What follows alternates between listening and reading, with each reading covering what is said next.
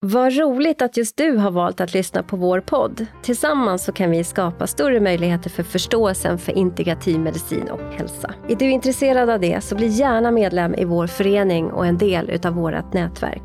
Mer information om det här kommer i slutet av avsnittet.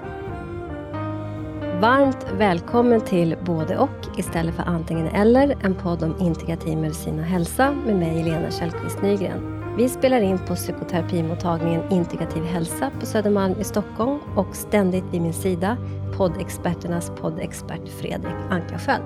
Min gäst idag är Kristoffer Wikstad. Varmt välkommen! Tack!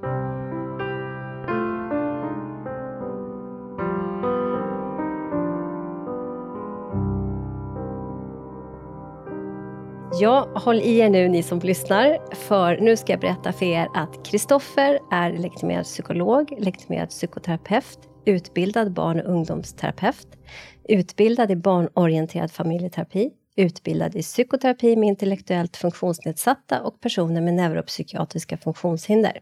Kristoffer, du har också ett rykte om dig att vara expert på traumabehandling av barn och ungdomar. Du har arbetat inom barnpsykiatri och på Rädda Barnen. Och som jag förstår det så har du arbetat och arbetar fortfarande på gymnasiesärskolor. Ja. Du har en lång, ett långt CV kan man säga, minst sagt. Ja, det kommer med åren. Men jag vill börja med, hur kommer det sig att du valde att bli psykolog? Ja, det är en spännande fråga, för den har jag också ställt mig själv.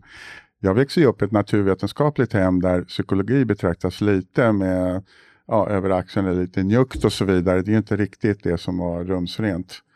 Utan då skulle man ju helst kanske då läsa, vilket jag också gjorde då på natur, natur och så vidare och, tänka så. Men sen så visste jag väl inte riktigt vad jag skulle bli och vad jag skulle göra och på den tiden kunde man läsa några enstaka kurser och så tyckte jag att liksom pedagogik var lite roligt, psykologi var lite roligt, filosofi var lite roligt. Men sen så av en slump då när jag inte hade skrivit klart någon sån här uppsats så började jobba på Västerängskliniken som då på den tiden var föregångare till Saxka, där man då fortfarande hade behandling av barn och ungdomar. Där i alla fall då så jobbade jag som mentalskötare ett år och sen så blev jag då, vad ska vi säga, uppraggad in i skolan, så jag kom att jobba på skolan som de hade där. Otroligt på Västeråskliniken? På Västeråskliniken. Med otroligt duktiga lärare och även väldigt mycket duktig behandlingspersonal på avdelningarna då i alla fall när jag jobbade som lärare där så bestämde jag mig faktiskt för att jag skulle ville bli psykolog och sökte på psykologlinjen. Hellre än lärare, för jag tänkte att ett sånt lärarjobb som jag hade där, det skulle jag nog aldrig mer kunna få. Det kommer försvinna när besparingarna sätter fart, vilket också nog har utvecklats åt det hållet. Jag har inte helt koll på hur det ser ut nu för tiden, så jag ska inte säga för mycket om det. Men, och då började jag läsa på psykologlinjen och jag var kvar och jobbade extra på Västeråskliniken under hela den tiden. Sen när jag var klar på psykologlinjen så har jag något mellanspel på lite olika jobb. Men sen kom jag då och började jobba på barn och ungdomspsykiatrin med halvtid och sen på gymnasiesärskolan. Mm. När jag gjorde min psykologpraktik, för jag kommer till trauma för det är det vi ska prata om idag, så blev jag medbjuden då till att vara med när man gjorde ett behandlingsarbete kring bosniska flyktingbarn. Så jag fick vara med och följa och jag skrev om det arbetet sen då, båda mina uppsatser. Så då lärde jag mig trauma. När du pluggade till psykolog, psykolog. då ja. gjorde du din, din kandidatuppsats? Ja, ja. och ja. min magisteruppsats på barn och trauma. Mm. Så att jag, och på den tiden så var man fortfarande ganska tidigt ute. Det fanns inte så mycket skrivet, inte så mycket gjort på den tiden. Man fick liksom leta undersökningar och material. Och det var ganska styvmoderligt behandlat. När var det här i tid? Eh, ja, alltså 2000 så är jag klar. Mm. Då får jag min lägg. Så att jag skriver de här, vad kan jag ha skrivit då? 97, 98, 99. För det blir klart, jag var lite eftersläntande där. Mm. Som en del andra. Och då, och då var jag nere och jobbade på Västeråskliniken igen. När jag då kom till gymnasiesärskolan och så förvånades jag över att så många ungdomar där var traumatiserade. Det var inte vad jag hade förväntat mig. Det, det fanns inte i min världsbild att det skulle vara så. Så att då kom jag tidigt att läsa Valerie Sinnesons bok som jag nu inte kommer ihåg vad den hette med hennes stora bok där hon räknade upp ett antal faktorer som var speciella just för gruppen intellektuellt funktionsnedsatta. Och en av dem var ju då trauma. Alltså att de är mer utsatta för trauma än procentuellt än populationen i övrigt. Vilket då helt plötsligt fick mig att öppna ögonen och också ställa väldigt mycket frågor. För för mig var det väldigt märkligt. Hur kunde någon vilja göra illa någon som eh, redan har en intellektuell funktionsnedsättning och har svårigheter?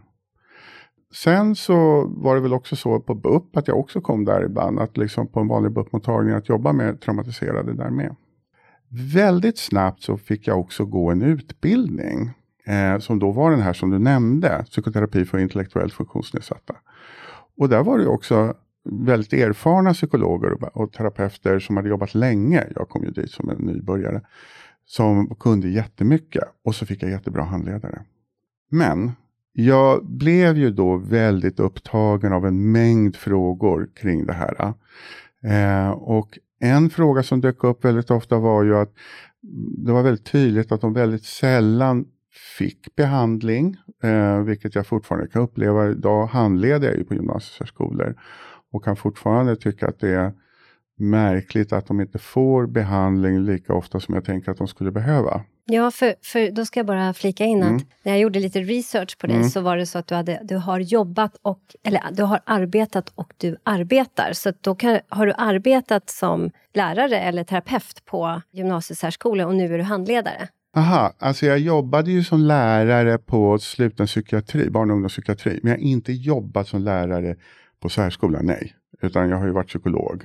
Och nu är jag ju handledare på gymnasieskolan. Mm. Så nu sedan många år tillbaka så följer jag ju då olika grupper och olika ungdomar på olika gymnasiesärskolor runt om i länet. Och kan se och uppleva lärarnas frustration eller elevassistenters frustration över att barn och ungdomar inte får den hjälp som man tänker de borde få över saker och ting som de har varit med om. Men det, frågan blir ju väldigt komplex. Eh, för att det är också så att eh, så fort en person får en diagnos intellektuell funktionsnedsättning så finns det ju en tendens, inte som jag upplever det bland elevassistenter och lärare, men i samhället i övrigt, att liksom vilja förklara beteende och hur man mår med diagnosen intellektuell funktionsnedsättning. Och den som först satte mig på spåret var en mamma som jag intervjuade då eh, i ett eh, examensarbete. Det var på min steg 2-uppsats som sa, men Kristoffer så här är det. Min dotter är autistisk. Efter det att hon blev våldtagen, det var en överfallsvåldtäkt alltså på vägen hem, så blev hon mycket mer autistisk. Jag kunde inte gå ner till BUP och säga, min dotter har blivit mer autistisk, kan jag få hjälp? Därför att hon upplevde att ingen skulle förstå den kopplingen, kopplingen eller bedömningen eller vad man mm, skulle kunna upplevelsen. tänka. Upplevelsen, att det var, blev mycket värre. Mm.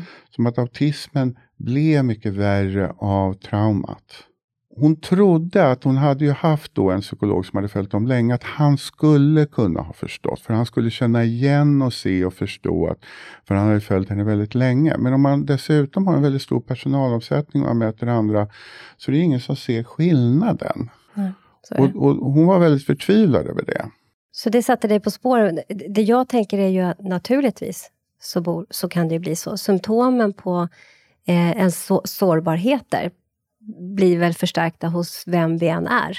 Ja, och om du då tänker dig att du liksom är lite orolig, du är lite utagerande, du har en intellektuell funktionsnedsättning med någon känd diagnos, så kommer ju hela beteendet förklaras med att du, du är ju en gymnasiesärskoleelev, du har de här svårigheterna. Och när jag var på något sånt här SIP-möte för inte så länge sedan där man till exempel sa till den här personen, jag vet inte om den nu exakt var traumatiserad eller inte, utan det handlade mer om beteendet där man då sa att det här beteendet beror på eh, att den är intellektuellt funktionshindrad och bäst lämpad för att hjälpa det är ju gymnasiesärskolan. Det här var ingen fråga för vare sig psykiatrin eller SES, SOS eller habiliteringen. Alla avvisade. Och det var ju uppenbart att eleven i fråga hade jättestora utagerande psykiatriska svårigheter, men ingen ville ta i dig. Utan man bollar tillbaks det och lägger det enkom i korgen intellektuell funktionsnedsättning.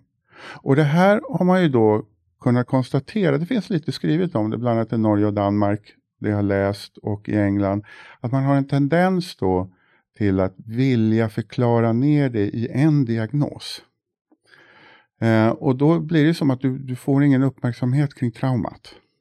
Och även om man då skulle säga det så kommer man ändå ha en tendens till att vilja säga att ja, jo, det har väl hänt, men den har ju den här diagnosen. Och så hamnar ändå diagnosen och då får man ingen hjälp och behandling.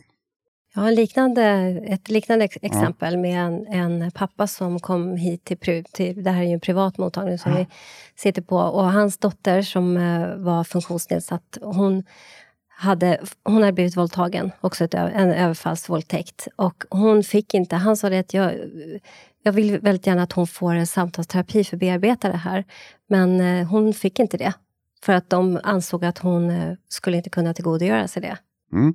På grund det, av sin funktionsnedsättning. Ja, det är ett spännande påstående. För om vi tänker då att vi har en 18-årig flicka som har en intellektuell funktionsnedsättning så att de skulle motsvara, även om vi inte använder ålder längre som bestämning, men ett tänkande och ett fungerande på en mellanstadienivå. Så skulle vi ju inte säga om en flicka som skulle vara 11 år som är utsatt för en våldtäkt, att den personen inte skulle kunna tillgodogöra sig behandling. Då skulle ju alla säga absolut, hon måste få en behandling och få hjälp för att det inte ska ge men. Så det finns inga argument för att inte göra det. Nej. det men, ja. men, men, jag tänker att det, att det ligger i vår, vårt, vår sam, vårt samhälleliga system utav att det är kognitiva eh, Eh, metoder som premieras för annat, att man då lättare gör den förklaringsmodellen. Även om den inte kanske sitter ihop hela vägen med som en förklaringsmodell, så tänker jag att det är kognitiva beteendemetoder som vi ska använda oss av. Har en funktionsnedsättning så kan du inte tillgodogöra dig de kognitiva. Jag tänker att man gör en tanke Ja, jag tänker att man kanske gör en tankevurpa som du säger. Jag vågar inte gå in på det eftersom jag inte är i, i, i det vetenskapliga sammanhanget. Men, men jag tänker att man gör en miss för att vad man tänker är att intellektuellt funktionshindrade är mindre begåvade än vad de är. Det, mm. det är där man gör missen. Och det där är också intressant för att det var en av de sakerna när Valerie Sinnason gick igenom och samlade ihop kunskaperna från den stora undersökningen man gjorde på Tavistock Clinic på 70-talet så var det det också att intellektuellt funktionshindrade hade ju också en tendens till att själva göra sig mindre begåvade än vad de är. Ungefär med det där, om ni ändå säger att jag inte är så intelligent och så smart och struntar i det, då försöker jag inte och då anstränger jag mig inte heller. Nu tror jag att det har blivit bättre, i alla fall eh, de gymnasieskolor där jag är och handleder, så tänker jag att väldigt mycket personal där i alla fall inte har den inställning som har funnits. Men eh, när de ibland möter då till exempel personal inom barn och ungdomspsykiatrin och så vidare. Och, vilket jag då har fått återberättat och, och, eller också sett. Och när de möter andra så kan de ibland spela på det här. Att jag, ja, men jag är ju ändå inte, jag förstår ju ändå inte, jag är ju ändå inte intelligent så. Jag försöker inte eller jag anstränger mig inte, vilket de mycket väl kan därför att de har resurserna.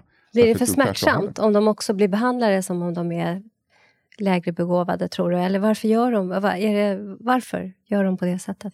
Ja, det finns nog olika motiv för olika. En del tror jag bara gör av ren ilska. Jag struntar i det, jag bryr mig inte, jag tänker inte göra det. Liksom.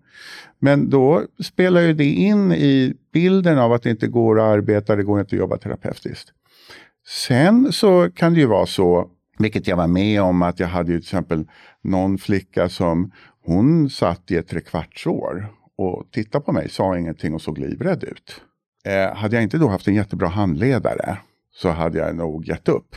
Och det tog kanske tre kvarts år innan hon började prata och sen började hon prata. Och sen började hon berätta mer och mer och så fick jag möjligheter till att bearbeta allting så att hon till slut mådde väldigt bra. Men hon hade kvar sin intellektuella funktionsnedsättning.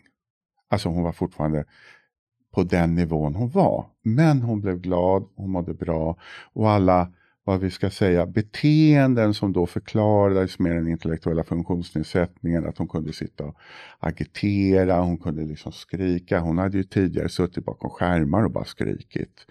När hon hade varit på grundsär och så vidare och så vidare. De försvann därför att hon blev lugn. Precis som om du är, har en hög stresspåslag, är rädd, så kommer du bli väldigt orolig och agiterande. Och det försvann. I några få fall hände det också att de gick upp i intelligensnivå när man testade om dem. Så att de gick, jag brukar säga att de som gick upp, gick upp ungefär en standardavvikelse.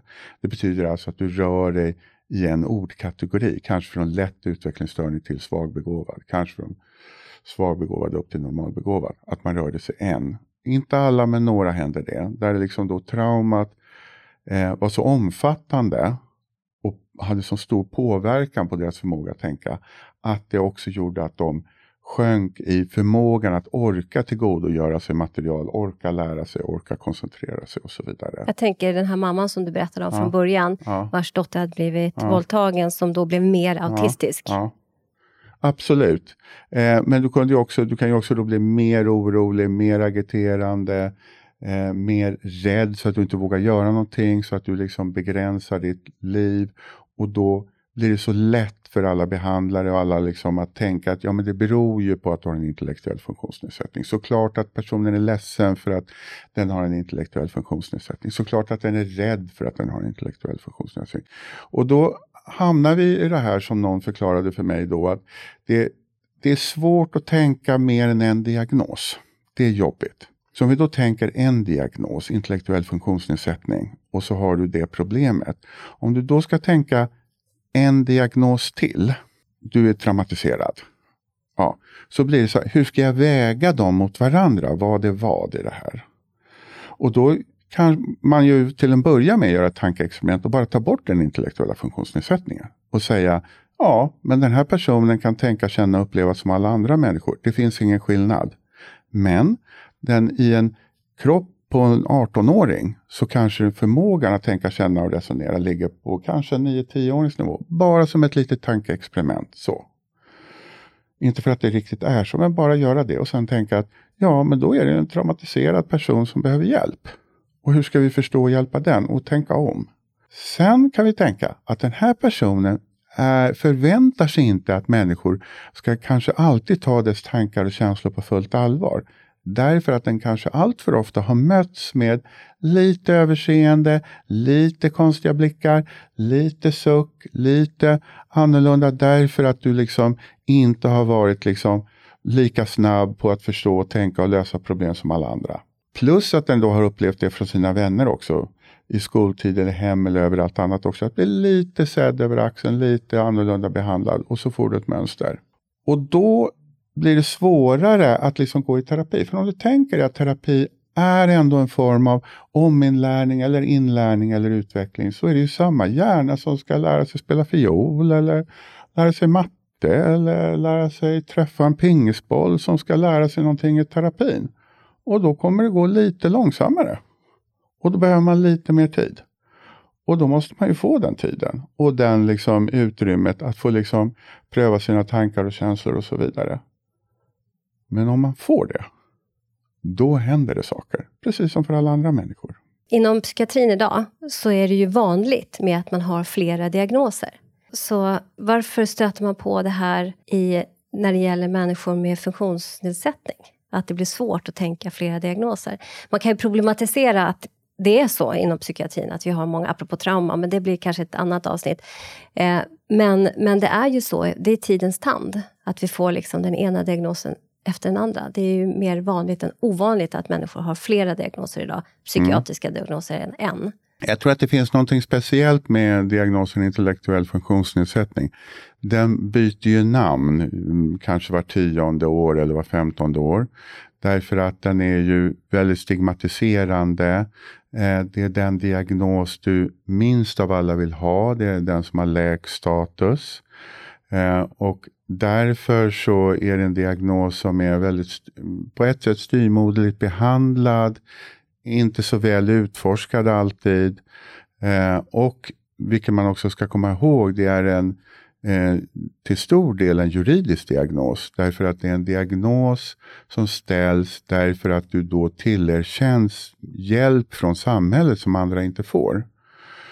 Så att den fastställs på liksom att du presterar under en viss nivå på ett intelligenstest och så gör man en utredning på din förmåga att klara av vardagliga sysslor och sen får du den och så säger man du klarar inte av det här på det sättet som förväntas. Plus att det är en diagnos, eh, vilket inte riktigt är sant, men det är en diagnos där man också tänker sig att ingenting händer, ingenting förändras. Alltså att det är en diagnos som har ett stabilt läge. Nu är det inte riktigt så, för det finns ju och det händer ju att människor rör sig i den här diagnosen väldigt mycket.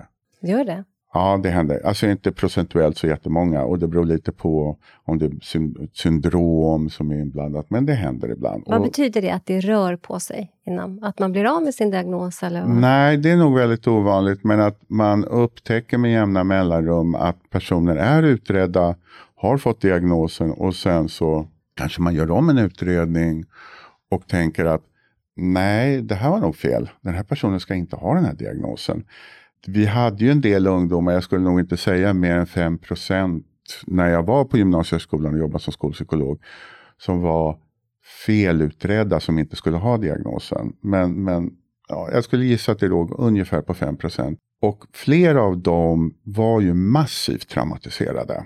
Det är intressant. Och, så att man kan säga att hela tänkandet hade liksom kollapsat och sen så gör man en intelligenstest på en person som är massivt traumatiserad och då får man ett jättelågt resultat för de orkar inte göra någonting. Det kopplar inte helt enkelt alltid nej, heller? Nej, och eh, jag har ju ett senare exempel på en kollega som fick en patient som hade då kom från ett annat land, hade blivit torterad, grovt torterad under en lång tid, kommer till Sverige, söker hjälp i psykiatrin, de gör ett intelligenstest, ställer diagnosen utvecklingsstörning, förlåt intellektuell funktionsnedsättning. Hon blir väldigt kränkt därför jag tror till och med att hon hade liksom en akademisk utbildning. Eh, så att det anmäldes men eh, av min kollega men det liksom blev frikänt därför att man hade ju inte gjort något fel. Man hade ju bara gjort ett intelligenstest och konstaterat att det hade hamnat tillräckligt lågt och då fick hon den diagnosen. Det som är spännande med det då blir ju att då blir ju diagnosen en reaktiv diagnos på en situation av att du har blivit grovt torterad. Nu kan man ju tänka sig så här ah, att någon skulle ju kanske bli så gravt torterad så att den inte längre skulle kunna tänka. Och då skulle man kunna säga att det är korrekt diagnos. Men man skulle också kunna tänka att den här kvinnan skulle kunna få psykoterapeutisk hjälp, komma igenom sina problem och sen återgå till ett normalt liv. Och då skulle man behöva ta bort diagnosen. Så några ungdomar hade sån extrem traumabakgrund. Jag vet inte riktigt, det är så ovanligt det de hade varit med om, så jag måste nästan göra om dem. Jag skulle berätta om dem så att de inte skulle kunna känna igen sig. Så att när det var färdigarbetat så kunde man liksom göra om testningen. Någon gång lät jag någon annan psykolog testa någon och han hamnade väl på IK90. Den psykologen blev jätteupprörd och frågade vad han gjorde på gymnasiesärskolan överhuvudtaget och det var ju sant. Men när han kom så fungerade han inte. Skulle du kunna ge någon, någon form av eh, exempel? Berätta om du gör om det så här lite på volley. Eh, en, en berättelse om någon som är så pass traumatiserad? Ja, till exempel så skulle vi kunna ta en person som då växer upp i ett hem där de incestuösa förhållandena går över flera generationsgränser i ett fullständigt kaos. Och den här personen då börjar då protestera mot de här liksom väldigt sammanblandade relationerna i familjen som var där. Eh, och att eh, han sen blir eh, medicinerad på grund av sina utagerande beteenden på grund av dessa väldigt märkliga incestuösa förhållanden i familjen. Så att han, jag tror att han äter tre tunga psykofarmaka. Under påverkan av svår traumatisering i familjen, alltså med en komplex traumatisering och tre tunga psykofarmaka så gör man sedan en utredning på BUP och konstaterar att personen Eh, funktionsnedsatt? Ja, intellektuellt funktionsnedsatt. Så när han kom och vi började arbeta med honom så började vi ana att någonting inte stod rätt till. Han eh, kunde då själv börja reagera på och prata om vad som försiggick i hemmet. Och han eh, eh slutade äta psykofarmakan. Jag, jag har svårt att förstå att det här liksom kan hända inom psykiatrin, att man inte gör de kopplingarna. Att man inte tänker helt enkelt. Hur kan, man, hur kan man göra en sån utredning på någon som är traumatiserad och står på tung psykofarmaka? En bra fråga. Det borde ju vara liksom totalt kontraindicerat bra för en fråga. utredning. Ja, jag kan inte svara mer än så. Nej. Nej. Nej. Jag har aldrig, Det händer, it happens. Jag har aldrig frågat de inblandade hur det kunde komma sig eller hur de resonerade. Eh, men just han sen, då när vi var klara, hamnade då på en nivå på IK90 när han sen utreddes av en oberoende psykolog. Och varför jag kunde göra det då var därför att det var kollegor då i Stockholm som skulle lära sig eh, VICE och fick en utbildning på det och behövde leta efter folk. Så då hade han ju fyllt 19. Så jag sa, här är en kille som är spännande, testa honom. Så att det var en helt oberoende också. Därför att jag skulle kunna bli lite biased. Om jag nu haft honom i terapi. Så jag litar inte på mig själv om jag skulle göra den Nej, utredningen och Mm. kontrollera eller så. För jag tänkte jag hade varit helt biased i det. Men det händer. Det händer att eh, eh, barn och ungdomar blir då felaktigt utredda. Inte sällan så finns det trauma i bakgrunden, alltså massiv traumatisering. Eh, jag har andra exempel på exempel nysvenska ungdomar som kanske har varit i Sverige tre fyra år. Också kommer från uppväxtförhållanden som är fruktansvärda, liksom med kanske väldigt mycket krigserfarenheter, eh, erfarenheter av egen tortyr, varit utsatta för extrem påfrestan. Och sen så kommer man till Sverige, man kanske inte behärskar språket. Man kanske skulle misstänka en och annan skulle kunna vara bra i vissa ämnen men inte så bra på språk så de får liksom också det lite svårare att lära sig svenska. Och sen så gör man då en eh, utredning där man till exempel inte tar hänsyn till nedsatt språkförmåga på grund av att man liksom svenska blir andra språket. Man har varit i Sverige i två, tre år. Man gör en utredning, tar inte hänsyn till trauma. Därför att alla andra kommer ju från det landet så man gör ingen individuell skillnad. Och så ställer man den diagnosen. Och då blir det ju så här att då måste man ju börja hålla reda på många saker i huvudet. Vad, vad innebär migration för påverkan på oss som människor? Vad innebär trauma? Vad innebär krigserfarenheter överhuvudtaget? Sen så kanske vi har en förlust. Vi kanske, kanske inte mamma och pappa har dött, men kanske ens bästa farmor som var den som egentligen tog hand om en när man var liten. Så att du har dessutom ett anknytningsavbrott, så att du har liksom en sorg och depression. Alltså att det finns väldigt många. Och då blir det så här att när du sitter och gör en utredning så ska du i huvudet väga alla dessa mot varandra.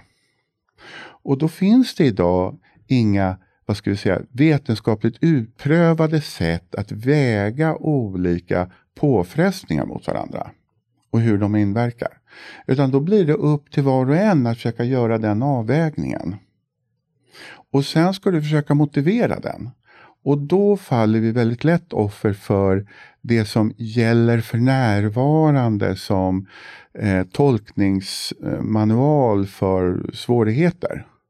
Och då lägger man sig gärna på en som är så. Men jag skulle kunna gissa att jag skulle inte förvåna mig om jag någon dag, eller det har jag säkert gjort någon gång, sprungit på att eh, någon som har en intellektuell funktionsnedsättning inte får den diagnosen. Det händer säkert. Som skulle behöva gå i särskola. Därför att man tänker att oj, stackaren är så traumatiserad och den har gjort så stora förluster och den är så deprimerad så att den ska hanka sig fram i den vanliga skolan utan att någon uppmärksammar. Det kan också vara så, vilket jag också varit med om någon gång, att vi hade någon som också mådde väldigt dåligt, var väldigt traumatiserad, men vi lät den gå i särskolan i ungefär ett år. Och då hamnar den i en miljö där den själv kände sig trygg, kunde börja lära sig saker på sin nivå. Och sen tog ett jätteskupp uppåt. Och så kunde vi skriva ut den. Och, och inlämna den i vanlig. Jag har en annan också, en favoritperson som eh, gick i terapi tre och ett halvt år hos mig när jag var på gymnasiesärskolan. Det här måste jag ju tänka noga nu vad jag säger. Men vi säger så här att det var en person som, en kille som, han hade inget hem. Hans pappa hade då utsatt honom för övergrepp och sen återvänt till eh, sitt hemland. Sexuella eller våldsövergrepp? Sexuella övergrepp. Eh, han eh, bodde i olika olämpliga miljöer. Eh, nu ska jag, säga, jag kommer inte ihåg allting han hade varit utsatt för. Men han hade också utsatt för en hel del våld. Eh, han kunde vara med om saker när han bodde, för han bodde på olika ställen bara. Att han kom hem och så låg det någon död i hallen. Eller han tyckte det var jättejobbigt. Eller någon eldade på dörren och hade satt eld där de bodde och så vidare. Så att det var en massiva svårigheter han litade inte på någon människa alls. Det var väldigt vanligt. så. Ingen. Så att han gick och pratade och mest gick han bara för att prata för att lära sig. Hur lever man ett vanligt liv? Vad är ett vanligt liv och vad är vanliga människor och så vidare. Så. När han var klar så tänkte jag så här att jag var lite nyfiken om man fortfarande då eh, var intellektuellt funktionsnedsatt. Så jag sa, ska vi, ska vi prova att göra test och se var du ligger idag? Och då kom han ju liksom väsentligt över gränsen till särskolan.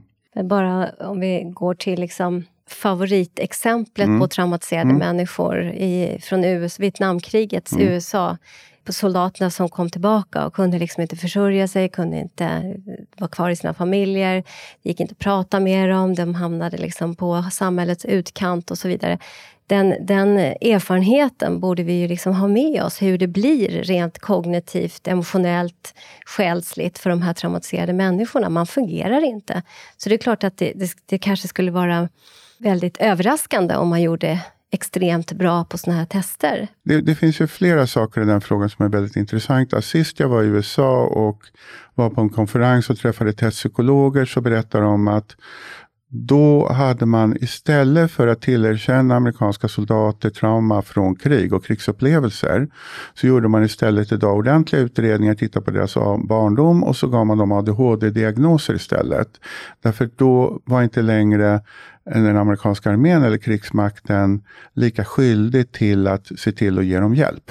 Det var en ekonomisk Därför, fråga helt ja, enkelt. Ja, så skulle man kunna tolka det. Jag ja. vill inte bli stämd av den amerikanska krigsmakten för att Nej. påstå det. Men, men de sa det och det är inte så konstigt därför att eh, arbetsminnet har skadat av trauma.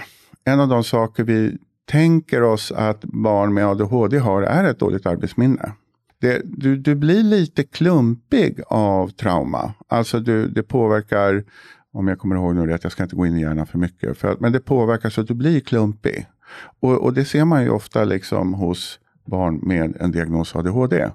Och du blir orolig, du får svårt att koncentrera dig, vilket också är liksom symptom på trauma. Så att jag brukar säga att det är nästan identiskt om du tittar på en ADHD diagnosmanual och en traumamanual, liksom, vad som är vad. Och då kan och du ju otrygga anknytningsmönster. Ja, och otrygga anknytningsmönster. Och då om du har till exempel en person med en intellektuell funktionsnedsättning som börjar bete sig märkligt, alltså svårare att koncentrera sig, blir oroligare, blir mer rörig, blir lite klumpigare. Så är det ju inte långt borta att tänka att den här personen har ADHD. Om du dessutom då har en person som inte är van att folk är intresserade, lyssnar, tar reda på allt vad den har varit med om och så vidare. Så kommer det liksom lätt bli att tänka och tro, utrett eller outrett, den här personen har också ADHD. Och då får du två diagnoser. Men du får två diagnoser varav ingen är egentligen att den har varit med om någonting som vi skulle kunna hjälpa den med. Alltså någonting som skulle kunna behandlas. Om du dessutom tänker dig att du blir lite avstängd. Jag brukar ibland om jag har barn när de ska försöka förklara den här känslan av att vara lite overklig, lite avstängd och så har man någon kanske leksaksfigur eller någon eh, på bordet och så kan jag då sätta sådana här genomskinligt plastglas över och säga det är väl så här det känns att gå omkring i världen. Och säga ja precis så känns det. Man är där men det finns som en hinna runt den. Vilket jag misstänker ibland beror på att den bakre vagusnerven är aktiverad då kommer du också bli betraktad som lite autistisk. Så då kommer du liksom kunna få tre diagnoser. Men att då i det tankemönstret plocka in och tänka att ja, det kanske är så att den här liksom avstängdheten inte beror på någon form av autism. Det kanske är så att den här ökade rörligheten okoncentrationen och liksom lite utagerande beteendet beror istället på att den är traumatiserad. Och sen fråga vad den har varit med om. Och då kanske man inte vågar berätta att man kanske har blivit utsatt för ett sexuellt övergrepp av behandlingspersonal på duschen, på boendet eller på en skola. Det är inte så ovanligt att de utsätts för sådana här saker liksom, på olika institutioner och så vidare. Tyvärr, allt för ofta. Och så, vågar man inte, och så vågar man kanske inte berätta om det. Man tänker inte att någon ska lyssna på en man utsätts för sexuella övergrepp. Vi hade ju flera fall där barn var utsatta för sexuella övergrepp av sina föräldrar. Vilket inte, när vi försökte anmäla så var det väldigt svårt att anmäla därför att man ville inte riktigt tro på oss. fast de berättade om det. Och varför jag vågar säga det så säkert var därför att nu, därför att till slut så blev de ju tagna på bar gärning när vi bad personal på boenden och liknande öppna dörren när de inte räknar mer och titta vad de gör. Och då fick vi ju allting bekräftat. Så att det, det, det försiggår, plus att jag har haft en hel del ungdomar som har suttit och berättat om övergrepp. På olika, alltså boenden där det kommer in personal mitt i natten. Sen finns det en annan stor grupp av övergrepp som man inte heller pratar om och det är mellan intellektuellt funktionshindrade. Som alltså inte alls pratas om eller uppmärksammas. Alltså man har en tonårsflicka som börjar liksom bo på ett eget boende och då kommer in män som är fortfarande intellektuellt funktionshindrade, kanske 40-årsåldern. Ja, ja, du tänkte så, att det är mellan eh, ja. vad ska man säga, de som går ja. på särskola eller är på ett behandlingshem? Eller, eller, ja, eh, och, och, det får mm. ingen uppmärksamhet heller. Mm. Därför att då läggs allting bara ner och ja men de förstår väl inte bättre bättre. Och de, de, ursäkta om jag säger så här, men man ungefär betraktar dem som att ja, men de är dumma i huvudet så de förstår inte. Jag menar verkligen inte när jag säger det. Utan bara liksom, det är så man, det är så ja, man många ja. gånger tänker. Och, och, och, då får du liksom en uppsjö av trauma och traumatiska upplevelser som inte uppmärksammas, inte åtgärdas, inte leder då till rättegång. Sen dessutom, om de då kommer till, någon gång skulle komma till rättegång, ofta så läggs ju allting ner innan, så har jag själv läst domstolsprotokoll där man skriver att berättelsen är trovärdig. Det finns ingen anledning att misstro berättelsen. Det finns ingen anledning att tro att det inte skulle ha hänt. Men eftersom personen har en intellektuell funktionsnedsättning så väljer man att fria. Alltså, vi tror på det i alla fall inte. Av den enda anledningen. Och då blir det liksom så här att om du då har något barn som vi skulle säga inte hade en intellektuell funktionsnedsättning men var på motsvarande ålder, liksom tio år. Om man skulle säga i en dom, vi tror på henne, vi tror att berättelsen är sann, vi tror på allting men vi friar. Mm. Så blir det liksom lite bisarrt. Då legaliserar man helt enkelt ja. det här på grund av att personen är funktionsnedsatt. Ja. Ja. Men, men alltså, why? Ja, alltså jag tror att det ligger i vår kultur, någonting som är väldigt svårt att prata om och, och liksom diskutera. Och det är det att intelligens är ju ett väldigt upphöjt och mystiskt ord. Intelligens är ju det som skiljer människor åt. Vem som, vi använder ordet för att skilja vem som lyckas och får mycket pengar eller gör fin karriär från den som inte lyckas. Och intelligensordet har ju då ersatt ordet begåvning. Alltså jag, jag ber och jag får en gåva av Gud att bli bra snickare eller bra på att sjunga eller någonting. Och eftersom vi nu har ett sekulariserat samhälle så har vi då flyttat ut då gåvan av Gud att bli bra på någonting till liksom ordet intelligens. Och det vetenskapliga samhället och den med intelligens kan, ta, kan tillgodogöra sig det vetenskapliga samhället. Ja. Så den är gudabenådad. Ja, och därför så står ju längst ner på den skalan de mest ointelligenta då, alltså de med en intellektuell funktionsnedsättning i det tänkandet, är ju också de som står då, eh, har minst värde i den skalan. Sen kan man ha en humanistisk skala eller någon annan skala.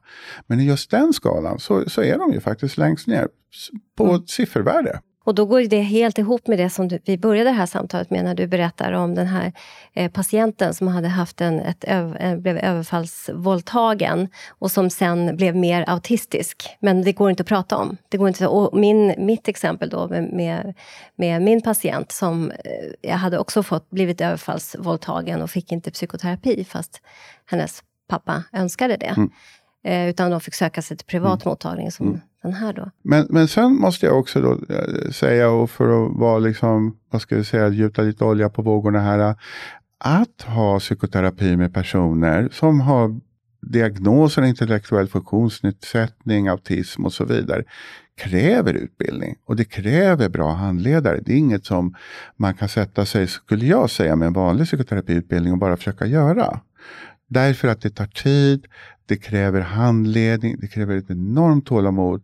Och jag vet ju att de som till exempel två väldigt duktiga psykoterapeuter som var nere i Lund när jag hörde dem föreläsa sa att de var på väg att ge upp flera gånger därför att de tänkte det händer ingenting, vi kan inte göra någonting utan det tar längre tid. Men gör man det, då får man väldigt mycket resultat och man får väldigt bra resultat. Och om man vill vara krass, vilket en del brukar säga att jag är väldigt krass, så kan man tänka sig så här att om du bearbetar det. Om du får upp dem, säg en standardavvikelse. Säg att du utvecklar en person från måttlig intellektuell funktionsnedsättning till lindrig. Så sparar det så mycket pengar åt samhället i hur mycket omhändertagande man behöver ge den personen. Alltså vad den klarar och inte klarar själv. Sant. Så att man sparar in enorma pengar om man skulle vilja göra det. Har de här människorna med funktionsnedsättningar någonsin blivit premierade för behandling utav sånt här? Eller har de alltid blivit så att säga åsidosatta i vårt samhälle? Vet du det? Det jag vet, och jag har väldigt lite kunskap, men som jag har läst, var att synen på intellektuell funktionsnedsättning i Sverige var inte alls så stigmatiserad i början av 1900-talet och det svänger väldigt fort slutet av 1920, början av 1930 när parallellt med eh, rasbiologin och det här med att man liksom blev rädd att den svenska rasen skulle liksom då eh, bli, Eh, inte vet jag, förstörd av personer med intellektuell funktionsnedsättning. Så att det svänger. Det var inte så i början av 1900-talet, utan det svänger rent politiskt under den perioden, precis som det gör i Tyskland. Så att jag hade ju en, min, en av mina handledare, som var en fantastiskt duktig person, Birgitta Norman, hon berättade för mig att när hon var nere i Tyskland då som ung psykolog, så var de och besökte då särskolor och, och olika inrättningar och institutioner för barn och ungdomar med intellektuell funktionsnedsättning. Det var jättefint, jättevältänkt. Och då hade hon frågat och sagt då, men eh, vad är de vuxna då? Kan vi inte få åka hälsa på dem och titta hur de har det? Och då hade de tittat snällt på henne och sagt att vi har inga vuxna i Tyskland. Och vi glömmer det. Det är inte så långt bort. Det är inte så långt bort. Och idén om liksom att försöka genetiskt rädda, renodla, göra en bättre människotyp. Och det är ju faktiskt också det vi idag kan se att människor gör med fostervattensprov, väljer bort eh, ungdomar med, eller barn med intellektuell funktionsnedsättning. Det händer idag. Och man har sett i Danmark att just det har ökat. Så det finns ju fortfarande i samhället någonting om att du får inte vara för intellektuellt funktionsnedsatt för då är du inte riktigt välkommen i samhället. Och jag brukade på den tiden när jag jobbade där alltid tänka att alla människor har någonting som vi, man får lära sig av. De, de tillför någonting. Och ungdomarna med intellektuell funktionsnedsättning, de lärde mig om man tar bort allt krimskrams, om man tar bort alla, liksom, jag är jättebra på att hoppa högt, eller jag är jättebra på krångliga matteekvationer, eller jag är superbra på att måla. Ta bort allt. Så vad som återstår är, vad är det att vara människa? Och om det är någonting de lärde mig så är det, vad är chansen av att vara människa? Och det är min erfarenhet med de här människorna. Kärlek. Ja. De är fantastiska på kärlek. Ja, men man får se upp lite där. För förutom då i den stora undersökningen på Tavistock så där man då konstaterade att de var mer traumatiserade, så fanns ju också en annan sak som jag faktiskt inte springer på idag i Sverige längre, men, men som man sprang på då, och det var ju liksom det man kallade the handicapped smile. Alltså att man ler mot alla och är jättefin och gullig mot alla för att ingen ska liksom tycka illa en och tycka dumt om en. Så det, det är lite tvegat det du säger. För mm. att visst, man kan lära sig jättemycket kärlek och det har jag verkligen gjort och träffat fantastiskt fina människor. Men ibland är det också ett sätt att liksom bevara sin överlevnad. Och just det här med ett leende för att liksom skydda sig kan vi ju se andra... The depressive smile? Ja, det vet jag inte. För jag tänker så här att till exempel om man då tittar afroamerikaner i början av 1900-talet så hittar du det här leendet. Eh, ibland hos romer, som alltså en förtryckt grupp, hittar du också. Så jag tänker också ibland att det är the oppressed smile. Alltså de som är förtryckta på något sätt. Och då blir det som att vi måste börja fundera på, är det att vara förtryckt i vårt samhälle att ha en intellektuell funktionsnedsättning när samhället som sådant i sin kultur premierar att vara det motsatta. Det är det som är fint, det är det som ger hög status. Och, och, det är jätte, verkligen, jag satt nämligen och funderade på hur mycket jag skulle säga det här för att det, just det är så bra att du problematiserar det hela. För det är precis så som du säger. Men jag tänker på min pappa var tandläkare och han hade en man som gick många, många år hos honom som hade Downs syndrom. Och jag var tandsköterska hos min pappa när jag pluggade och, och eh, under några år. Och den här mannen, när han kom till praktiken, för det första så älskade han min pappa. Min pappa tyckte så vansinnigt mycket om honom också. Och, och han sprang in lycklig som sjutton och så stod han där och kramades. Rakt in, spelar ingen roll om min pappa är en annan patient, han stod där och han kramades. Och den energin utav liksom ren kärlek som de visar blir ju också konstigt och annorlunda i vårt samhälle där vi är väldigt intellektuella och vi håller på våra ramar och inte för nära, och särskilt inte vi i Sverige. Det finns ju något sån här skämt som eh, Nora Bateson sa i poddavsnitt nummer två. så säger hon så här att i Sverige så eh, längtar vi efter att vi inte längre ska hålla tre meters avstånd utan gå tillbaka till, till det vi brukar, sex meters avstånd. ja, det var väldigt bra. Jag skulle gärna fortsätta på den, men, ja, men, men det är säger... inte det vi ska prata om Nej. här idag. Så det finns ju någonting med det. Att vi liksom, det är inte, det är inte liksom enligt den sociala konstruktionen att vi rusar på varandra och kramas, även om vi kramas mycket. Men inte på det här liksom, eh, sättet som är fullständigt givande. Mm. Att man ger mm. liksom mm. någon, så. Eh, och, um, så att jag tänker att det, kanske, det är ju också en sårbarhet av att bli utnyttjad, apropå sexuellt och så vidare. Att man, är, man står där och man liksom är på något sätt skyddslös. Ja, men, men eh, det är nog så. Men jag skulle nog säga att min erfarenhet av traumatisering eh, hos de som har en intellektuell funktionsnedsättning, kanske till exempel på, beroende på en kromosomavvikelse som Downs syndrom, är nästan alltid som all annan sexuell övergrepp och våldtäkt. Den är liksom bara rakt av därför att någon vill eh, utnyttja, ha makt och eh, leva ut sina egna behov på någon annan. Ja, ja, ja. Inte, inte beroende på att de skulle vara Nej, nej, det var inte så jag menade. Nej, jag förstår men, det. mer men, att de är tillgängliga ja, på ett ja, annat sätt och, lite, och skyddslösa på ett annat sätt. än vad... Men, men framförallt mm. är de tillgängliga och skyddslösa på det sättet att de blir inte trodda, de blir inte lyssnade. Mm. Det, det är i stort sett ofarligt att utnyttja. Därför att de kommer inte eh, bli trodda i rättegångar eller andra sammanhang eller så vidare. Sen om du har en intellektuell funktionsnedsättning som eh, någon jag träffade för länge sedan som kom upp och berättade för mig att hon hade då blivit våldtagen och så kom den ena historien efter den andra historien och så till slut så kom vi uppe i 30-40 historier. Och då kunde jag förstå att hon kunde inte hålla reda på sina egna historier och fantasier och vad som var vad. Men all traumabeteende försvann så småningom. Så att jag än idag tänker att en eller två eller kanske tre av alla de där historierna var nog sann. Men jag vet inte vilken. Och en Spelar ingen person, roll kanske heller? Nej, bara inte behandlingsmässigt. Yeah, nej. Men juridiskt. Ja, juridiskt gör det. Ja, mm. Så därför så går du fri. Du klarar dig om du ger dig på de här ungdomarna. Mm, just det. Jag tänker att trauma i sig är en diagnos som är i... Det är en vetenskaplig diskurs om vad det är. Ska det behandlas? Finns det överhuvudtaget? Hur ser det ut? Vad är det för... oss? så att det finns inte liksom en ram kring det där ännu. Min upplevelse i alla fall. Att det, att det liksom diskuteras och att det på något sätt underordnas. DSM-4 så fanns inte traumas, eh, traumaaspekten i diagnosen ADHD till exempel, vilket den gör i DSM-5. Det på något sätt inordnas och, och, när jag gått eh, min traumautbildning som psykoterapeut, då fick jag lära mig att man ska först traumabehandla en människa om det finns riskbevis för det. Sen gör man en utredning för en eventuell diagnos om, kvarvarande, om det finns kvarvarande symptom det börjar allt mer försvinna. Ja, det låter som en bra idé tycker jag. Jag skulle gärna se att man gjorde det först. Och sen traumabehandlar. Traumabehandlar mm. och sen ser man vad som återstår. För det var ju också min erfarenhet att en del ungdomar då rörde sig bort ifrån den intellektuella funktionsnedsättningen efter traumabehandling och en del var kvar.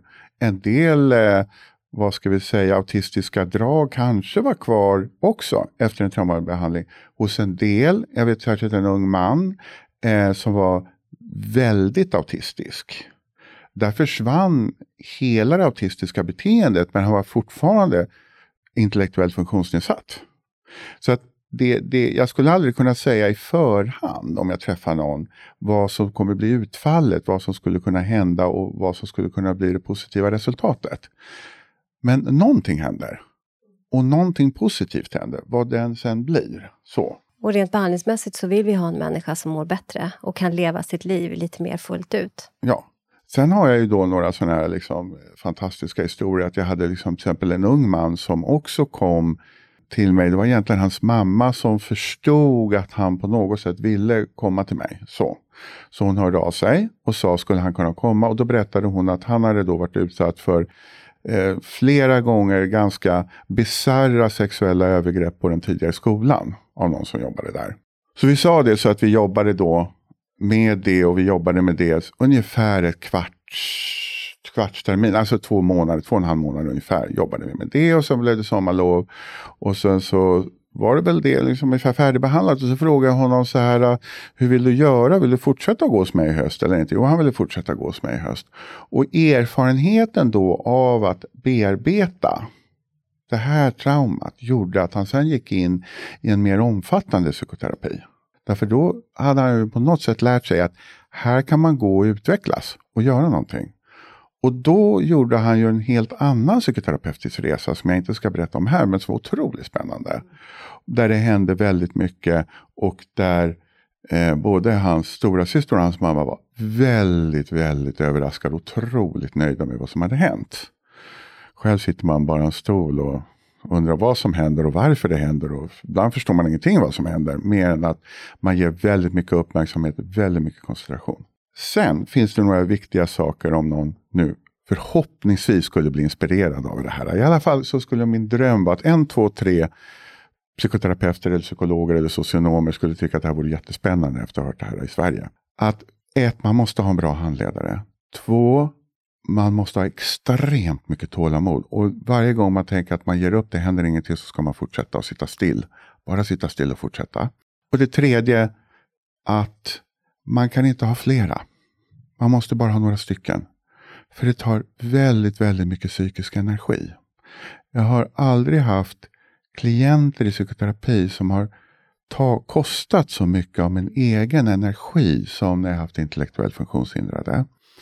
Och där den indirekta, eller vad vi ska kalla det, psykodynamiskt språk, överföring, motöverföring, projektiv identifikation. Alltså att affektsmittan i rummet är så massiv som där. Därför att man kan ha personer som då sitter, tittar, tysta, rör sig inte timme efter timme efter timme efter timme. Och så kokar i en. Och så bara sitta still och sen bara fortsätta att tänka allting kommer komma på rätt plats så småningom. Så, du, så man, jobbar, ja, man jobbar, det gör man ju alltid i psykoterapi, men som en, med väldigt mycket containing.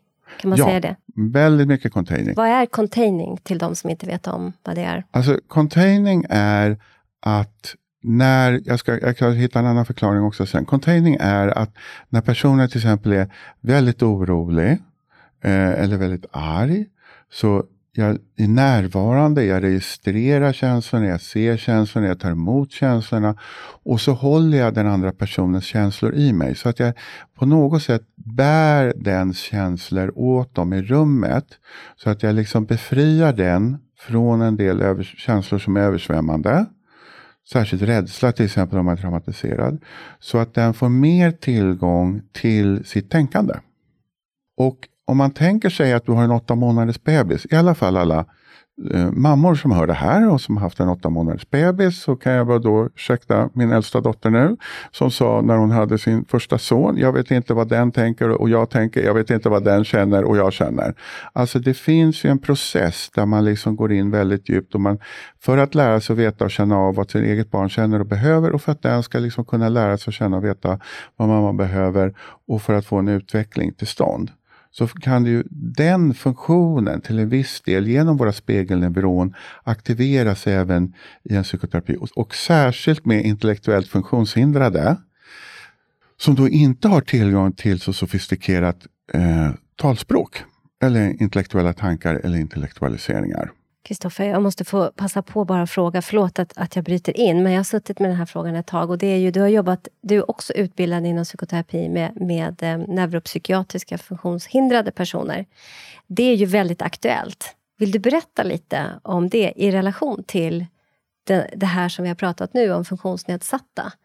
Vad är skillnader? Vad är likheter? Hur tänker man? Ja, alltså om jag skulle nu börja med att prata om eh, barn med eh, diagnosen ADHD. Så det sa du inte i introduktionen, jag vet inte om jag berättar för det, men jag har väl nästan 20 års erfarenhet av att jobba med eh, barn och ungdomar med neuropsykiatriska diagnoser eh, inom det som i Stockholm fanns, som var då behandlingsverksamhet i kolloform. Alltså man hade barnkoloni där barnen fick åka ut på sommaren en vecka, två veckor eller kanske till och med tre veckor. Eh, fanns, sa du? Ja, det är nedlagt. När lades det ner? Nu kommer jag inte ihåg exakt, kan det vara två år sedan? Eller något sånt. La man ner tre år sedan. Jag vet inte nu. I samband med pandemin eller innan? Uh, innan pandemin. Det, det, är ju alldeles fruktansvärt. Ja, men vi ska inte diskutera Nej, det okay, Det kan det, vi ta ett helt eget avsnitt Det är ett eget avsnitt. Ja. Och då mm. kan vi bjuda in någon annan också och prata om det. Ja. Men eh, så att då är det så, och vilket jag har hört andra också säga, att ADHD-diagnosen är väldigt diversifierad. Vad betyder diversifierad? Det betyder att ett barn med den diagnosen är inte likt ett annat. Alltså att det skiljer. Alltså diversifiera, att det skiljer.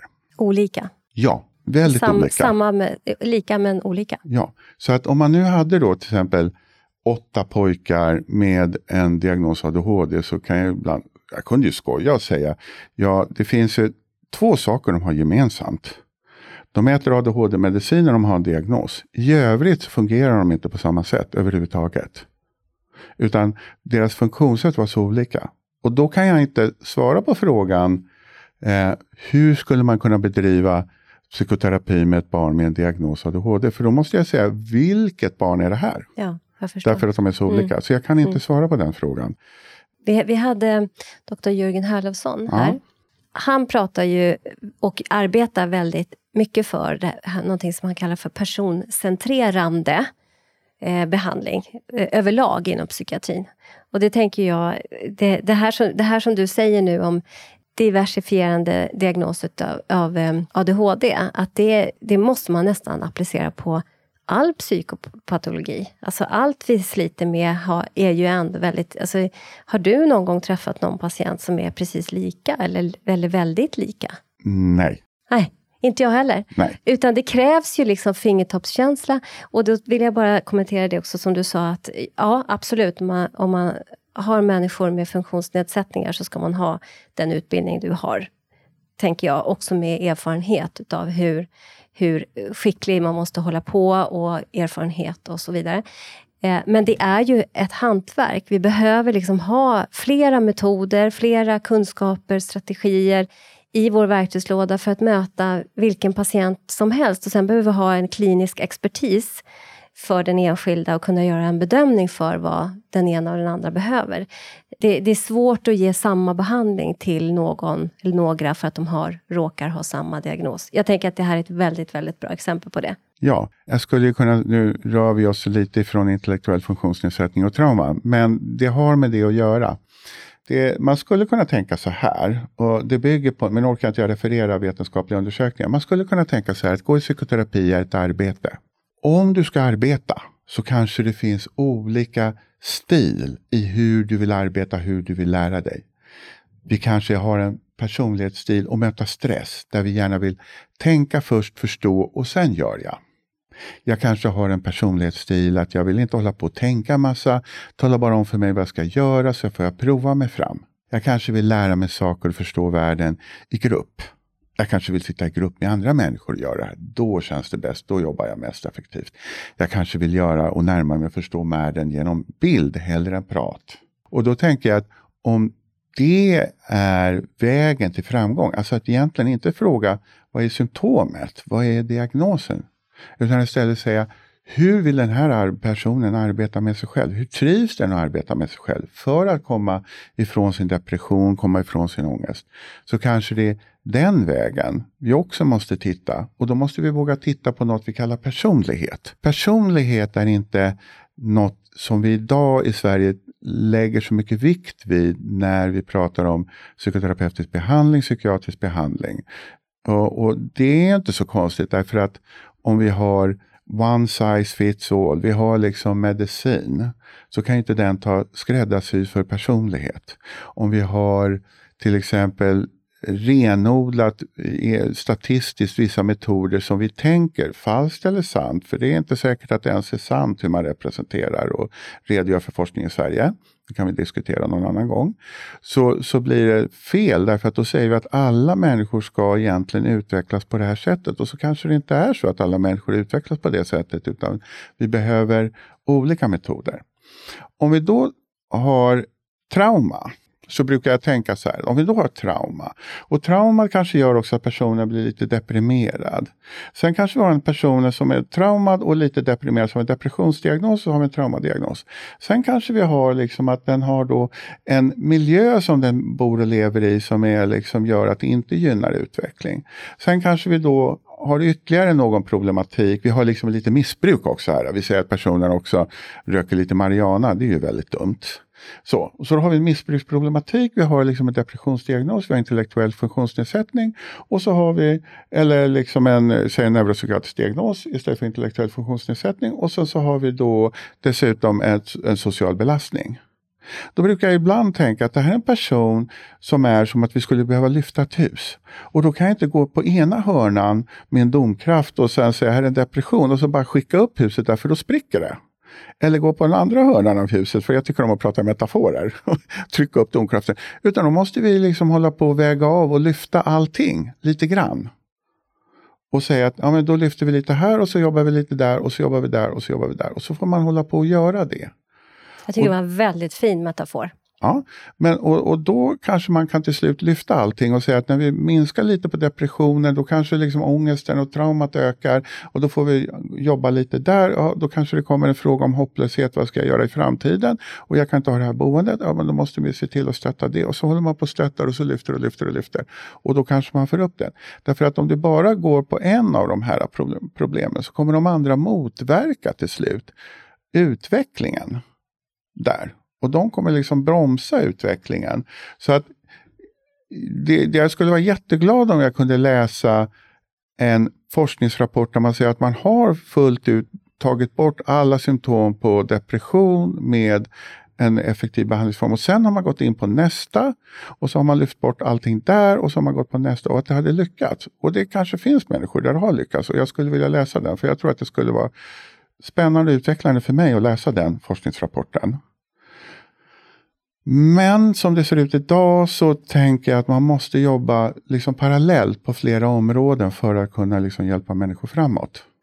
Då och, är ju det perfekt att vara på en sån här integrativ mottagning. Där vi, kan där vi också kan jobba utifrån olika perspektiv. Ja, och, och då är det också så här att man måste då kanske också säga, förutom då jobba med de här olika psykiatriska diagnoserna, så det vore ju väldigt bra om du kanske började ta en timmas promenad varje dag. Eh, nu lägger jag mig inte i vad folk äter så ofta om jag inte riktigt ja, får här. veta det. Ja. Och säger liksom att ja, men det vore väl bra om du åt lite mer grönsallad. Det är i alla fall bra för serotoninproduktionen i tjocktarmen. Eh, och att man liksom stimulerar olika saker. Eller det kanske skulle vara roligt att börja Ser du någon tv-serie som är rolig? Skulle vi kunna prata om det? Alltså att man ökar den konsumtionen av kultur. Eller vilken musik man lyssnar på. Kultur på recept. Så, om jag då skulle säga någonting avslutningsvis om intellektuell funktionsnedsättning och trauma så skulle jag ju då vilja säga så här, väldigt enkelt, att de intellektuellt funktionsnedsatta, de är procentuellt oftare utsatta för trauma. Jag misstänker att det blir allt för sällan uppmärksammat och liksom diagnostiserat. Att många gånger så är jag rädd att lidande som de bär eh, är helt i onödan därför de skulle kunna få behandling, de skulle kunna bli bra av det, men att det tolkas som ett uttryck för den intellektuella funktionsnedsättningen. Dessutom så skulle man då kunna också säga och argumentera både vad gäller neuropsykiatriska diagnoser och intellektuell funktionsnedsättning att det ökar sårbarheten för trauma. Det kan man hålla på att diskutera fram och tillbaka. Jag vet inte hur vi skulle kunna bevisa det ena eller det andra för det blir lite, om, lite hönan eller ägget. Men vad gäller mig så kan jag inte se det som något argument för varför man inte skulle ge behandling. Jag måste säga så här, I'm totally blown away. Jag har suttit där och lyssnat och lyssnat och lyssnat på det här fantastiska. Du är så kunnig på detta område. Innan vi slutar, nu sa du avslutningsvis, men innan vi slutar, är det någonting som du vill tillägga? Massor, men jag har inte tid. Okej, okay, så det blir fler avsnitt? Ja, och dessutom skulle jag nog vilja vinkla, rätta till och utveckla varenda sak jag sagt för att göra det ännu bättre. Men det får vara så här. Stort varmt tack för att du ville komma hit och ge oss av din tid och gästa vår podd. Varsågod.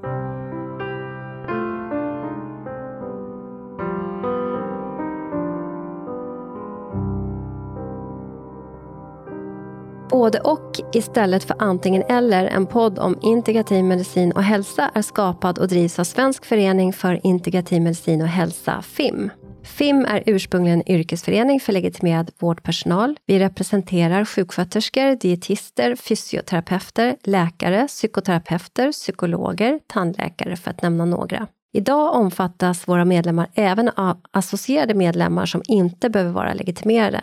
Föreningens arbete vilar mot den vetenskapliga grund för integrativ medicin och hälsa som finns, såväl svensk som internationell och på systemisk förståelse av människan i sin miljö. Vår förenings arbetssätt har hittills varit att arrangera konferenser, seminarier och folkbilda genom att sprida information, exempelvis via sociala medier. Vår strävan inom integrativ medicin är att vara en organisation som vågar lyfta och ifrågasätta, motverka polariseringar genom tvärvetenskapliga dialoger och sokratiska samtalsregler. Vi vill kartlägga forskning som bedrivs, även internationellt, och hålla koll på aktuella forskningsresultat om behandlingsmetoder, både vad det gäller den etablerade vården liksom den vård som bedrivs utanför den etablerade vården. Sokratiska samtalsregler innefattas i den sokratiska samtalsformen som egentligen all grundläggande kunskap är sprungen ur, men som ibland till och med lyser med sin frånvaro i dagens public service. Så bli gärna medlem hos oss, för tillsammans kan vi förändra. Och hur du blir medlem hittar du via vår hemsida integrativ-medicin.se. Vi ses och hörs i nästa avsnitt.